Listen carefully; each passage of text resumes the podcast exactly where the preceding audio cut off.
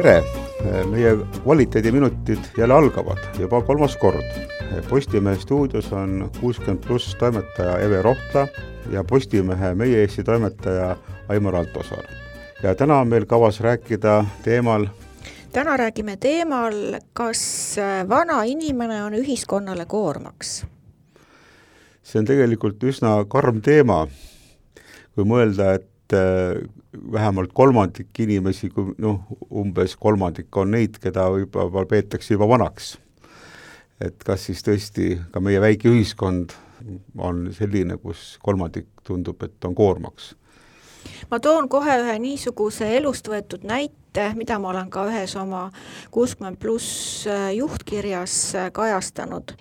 nimelt ma nägin pealt ühte situatsiooni Selve Hallikassas kus äh, vana ja haige naine, kellel olid äh, käed reumatoidartriidist puretud, hakkas maksma kassas oma keefiri ja leiva eest.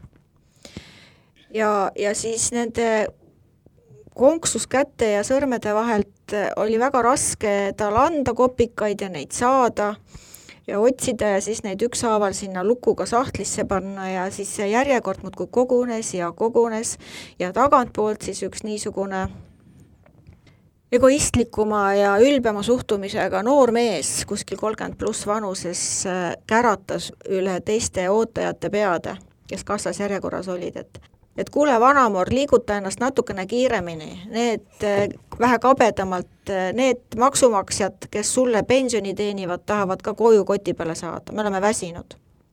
see mind nii valusalt riivas, et me kõik vakatasime, kuni siis üks teine sama vana noor mees vastas talle, jah, noorena on väga vähestele surra antud väga täpselt vastas. väga täpselt vastas ja selle peale siis äh, kõik nagu kuidagi, kõik jooksis maha ja, ja seal ta omaette puhises, aga rohkem ta midagi ei öelnud ka.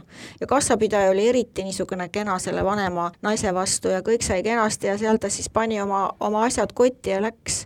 et millegipärast tundub mulle, et Eesti ühiskonnas on jäänud selline mulje, et vanemaealine inimene on hädine, väeti ja ühiskonnale koormaks kaelas, kellele peab siis niinimetatud pensioniraha teenima siis see noor inimene, pidevalt ka räägitakse sellest, ka ajakirjandusel on oma roll siin, et meie, meie oleme maksumaksjad, meie maksame pensionikassasse raha. aga kas see on ikka päris nii? nojah, see näide, mida sa tõid, on muidugi tõesti väga, väga, väga jõhker, kui tunnistagem, et sageli niimoodi ei söandata välja öelda, aga sageli ka niimoodi mõeldakse. et see on veel hullem. aga positiivne vastus oli ka kohe olemas sinu loos, et oli üks teine noor mees, kes ütles, et eh, noh, see, kes niimoodi käratas, tegi väga valesid valikuid. on selliseid, on teistsuguseid jah, aga, aga muidugi jah, oleme kuulnud sellest küll, kas siis nii-öelda otseöelduna või kuidagi teistmoodi, kaudselt, et jah, pensionärid, aga nendega on üks igavene jama, et tahavad pensioni saada ja siis nad sageli jäävad võib-olla haigeks ja siis ehitad neile veel mingisugused hooldekodused, üks, üks kulu.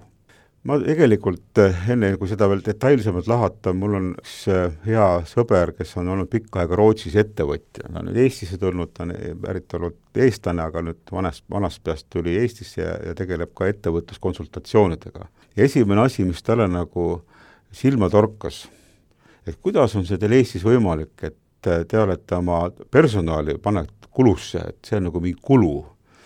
et Rootsis vaadatakse personali kui nagu kõige väärtuslikumat osa ettevõttest, et vot sellega tasub noh, alati arvestada, see on kõige tähtsam. aga me nagu vaatame isegi e Eesti ettevõtetes, olgu nad siis noored või vanad, ta on nagu mingi kulu. ja mingis mõttes on eh, paradoksaalsel kombel see meie väike ühiskond, kus me nagu oleme mures selle pärast, et eestlasi on liiga vähe ja neid ei sünni piisavalt juurde ja me tegelikult ise nagu anname nagu kuidagi signaale inimestele, et nad on erineval põhjustel üleliigsed. vanad on liiga vanad, keegi on liiga äpu, keegi on lihtsalt loll, eks ole. keegi on liiga haige. keegi on liiga haige ja, ja, ja me tegelikult ei anna endale aru, et ühiskond on tervik. Et kui sina hakkad tõrjuma kedagi, kes on sinust erinev, siis järjekord jõuab varem või hiljem ka sinu kätte. kui mitte varem, siis kui sul õnn saada vanaks, siis oled sa ikkagi selles kategoorias, keda tõrjutakse. et kõik, mida sa teed teiste inimestele, tuleb sulle tagasi. seda nagu ei tabata just ära mina teinekord mõtlen, et kõik need niisugused kultiveeritud arvamused viivad sinna, et ma olen ise omas peas mõelnud, et huvitav, mis see Eesti inimene siis tahab, et kõik inimesed sureksid kaks-kolm aastat enne pensionile minekut ära või? et kas see siis oleks nagu nende meelest lahendus, et kui esitada neile selline küsimus, kas nad siis ka nii mõtlevad? Mis siis Eestist saaks? jah, et kas nad seda niimoodi endale küsivad ja endale mõtlevad, aga mingis vanuses inimesed arvavad, et nad ei saa ka esiteks kunagi vanaks, nad ei sure kunagi ära ja kõik see pidu ja pillerkaar käib lõputult. see on nii, nagu suitsetaja arvab, et mina olen noh, selle protsendi hulgas, kes ei saa kopsuvähki. just, jah, või siis üldse, kes pidutseja, et noh, see pidu ja pillerkaar käib lõputult, või ka selline mõtleja nagunii, kes on juba sisendanud endale, et eh, vanadus on mingi pahe, et ma enne neljakümnendat pean ära surema, nelikümmend on, oleme kuulnud neid noori, et noh, nelikümmend, see on viimane piir, et siis ma suren ära. et tegelikult on siis järelikult inimesed oma elu ikka väga kitsalt mõtestanud, nad on, ta peab ennast selliseks tarbimise masinaks, ta ei pea ennast äh, väärikaks, ta ei, tegelikult ei ole ise väärikas kogukonna liige, sest ta ei pea teisi väärikateks kogukonna liikmeteks, et ta ei tunne rõõmu tegelikult ei teistest inimestest, järelikult ei tunne ka rõõmu iseendast ja siis ongi vaja igasuguseid abivahendeid alkoholi, mingeid muid aineid, et kogu aeg hoida asendustegevust oma sellisele olemasolu õigustuseks. selle asemel, et pöörduda kõige lihtsamasse, lihtsamalt omaenda vanemate, oma sõprade, oma kogukonna poole, ja nüüd see on see Eesti suur probleem, et meil see suhtlemise puue on võib-olla mingi rahvuslik omapära, et me ei, julge luua suhteid, hoida suhteid ja me läheme kiiresti nagu noh, tõmbume endasse ja või ei oska nagu sellist head ühistunnet nagu ainult lauluväljakul, jah, ja võib-olla mõnedel veel suurtel sellistel üritustel, aga aga sellist kogukonnatunnet meil nagu ma olen minetanud selle tunde, kindlasti meil vanade eestlastel see on kogu aeg olnud, muidu ma poleks nii kaua ajaloos elanud, aga meil on praegu see nende kahekümnenda sajandi kataklüsmidega kuhugi ära kadunud, see teise inimese vajadus teise inimese järgi. Ja sealhulgas ka vanade järgi, ma ütlen, vanad on ainult üks osa sellest probleemist. Nojah, ja kui me siis võtame seda pensioni suurust ja pensionäride arvu ja siis, äh, kui pannakse eelarvet kokku Eesti riigis, siis ikka kõlab see lause, et kõige suurem rida eelarves on Sotsiaalministeeriumis ja need on need toimetulekutoetused ja pensionid ja ja kõik need, et kui, kui suure summa ikkagi eelarvest jälle haarab enda alla vanemaealiste toimetulekutoetus ja vanaduspension ja samas me ei mõtle selle peale, et need noored inimesed või, või ütleme, nende vanemaealiste seenioride lapsed ja nende lapselapsed, et kunagi ju nende vanemad äh, teenisid tööealisena raha selleks, et lapsed saaksid arstiabi, et kas, kas need vanemaealised peaksid siis selle raha tagasi küsima, et, et mina ju kunagi teenisin ja maksin äh, maksin makse ja selle eest said ju imikud, eks ole, arstiabi. et, et kuida-, kuidagi nagu see ei jõua teisipidi ühiskonna teadvusesse, et, et see on nagu hästi vastastikune. et, et see inimene, kes nüüd on vanaduspensionil, et tema on tegelikult ju, ju ühiskonnale oma panuse andnud, et mis panus see on, et kas keegi selle ka kunagi lahti kirjutab? jah, see on muidugi kummaline, et et inimesi väärtustatakse selle järgi, kas ta on maksnud või ta maksab, et inimest ei väärtusta selle järgi, et kes ta on, et ta on lihtsalt inimene.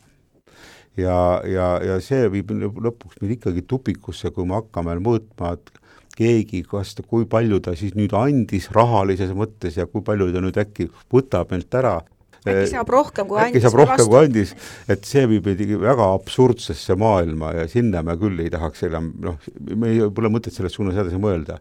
kui rääkida nüüd riigieelarvest või sellest meie ühisest maksumaksja rahast, siis tahaks ikka küsida, et milleks siis kogukond seda raha lõpuks korjab, eks ole, et ma arvan, et täisjõus inimesed, kes suudavad tööd teha ja tahavad tööd teha, loovad väärtusi, nendel polegi seda vaja, nemad maksavadki selleks, et siis need, kes ei suuda seda teha, lapsed, koolis käijad, vanad, et nemad saaksid ka siis selles ühiskonnas osa, see nii loomulik põlvkondadevaheline side. ja see, kes siis nüüd arvab, et see on kuidagi mingi liigne kulu või et Sotsiaalministeeriumi kulu, siis nad ilmselt ei ole üldse aru saanud, mis asi on ühiskond, mis asi üldse on, kuhu me nagu jõudnud oleme inimestena, et et see eh, hundiseadused, nagu sa ühes saates kirjut-, rääkisid lõvi perest, et lõvi jätavad oma vanad surema, me ei ole lõvid, me ei ole hundid, me oleme inimesed.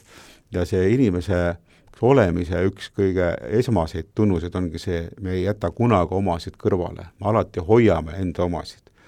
ja kõik vanad on ju need, kes on meie noh, lahutamatu osa meist endist.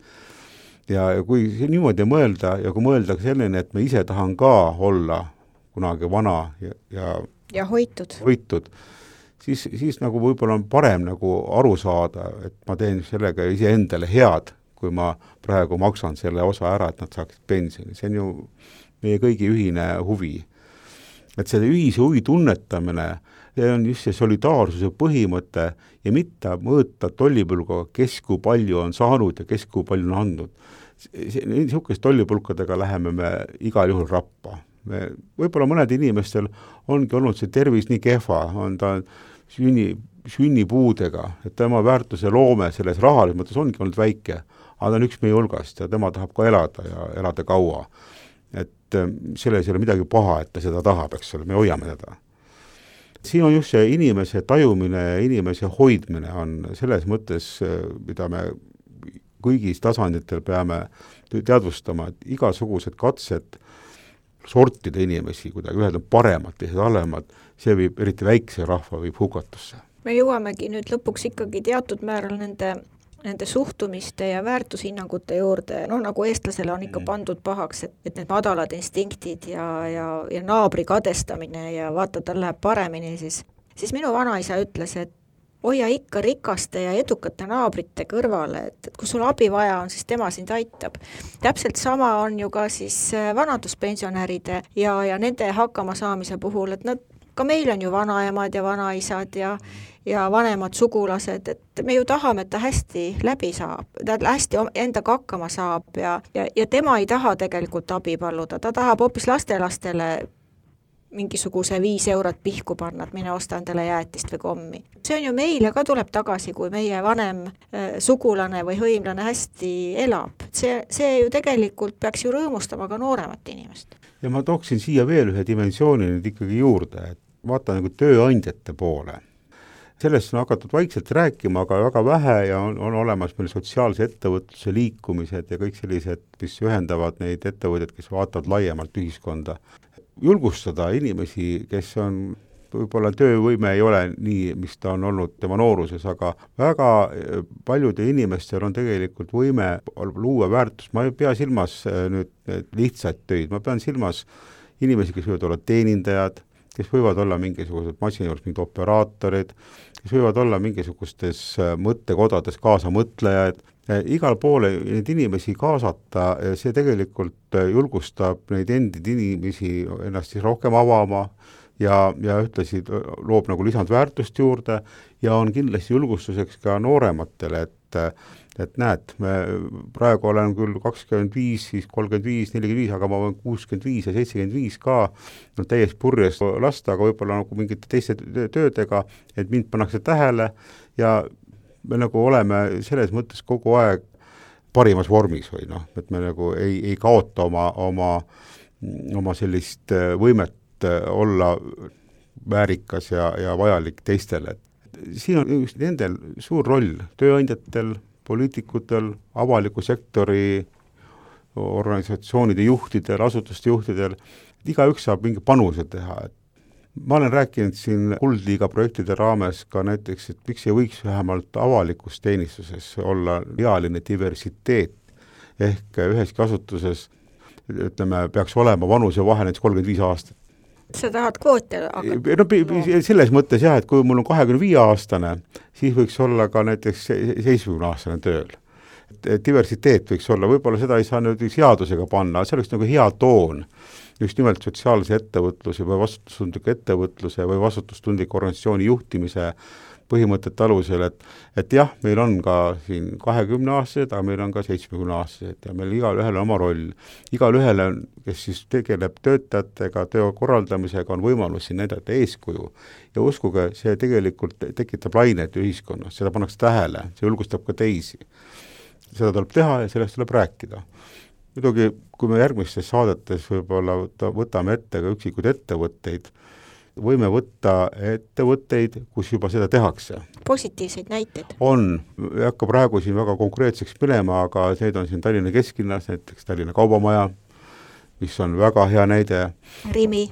jah, ja siis on kindlasti tööstusettevõtteid, kus võetakse kogu kogukond tööle, kõik need vanamehed, kes olid parem, oleks muidu olnud poe juures, saavad väga head palka, sest et kogukonnas on üks ettevõtja, kes ei võta kaugelt inimesi tööle, vaid võtab kõik omaenda mehed, vanamehed tööle ja kõik on väga õnnelikud, kogukond elab. Neid näiteid on, aga neist teatakse vähe, ma arvan, et me peaksime neid tutvustama ka oma saadetes aga võib-olla siis järgmistes saadetes me räägime, aga mina teen ettepaneku järgmises saates rääkida hoopis sellest, mida saab seenior ehk vanainimene ise ettevõtte, et temasse paremini suhtutaks? loomulikult, ma arvan, et järgmises saates võiks tõesti pakkuda inimestele eneseanalüüsi võimalust ja aitame, aitame tal leida nagu seda oma head panust. suur tänu, et kuulasite ja järgmine kord siis jälle Eve Rohtla, Aimar Altosaar jätkavad kvaliteediminutitega. võin kaasa. võin kõigile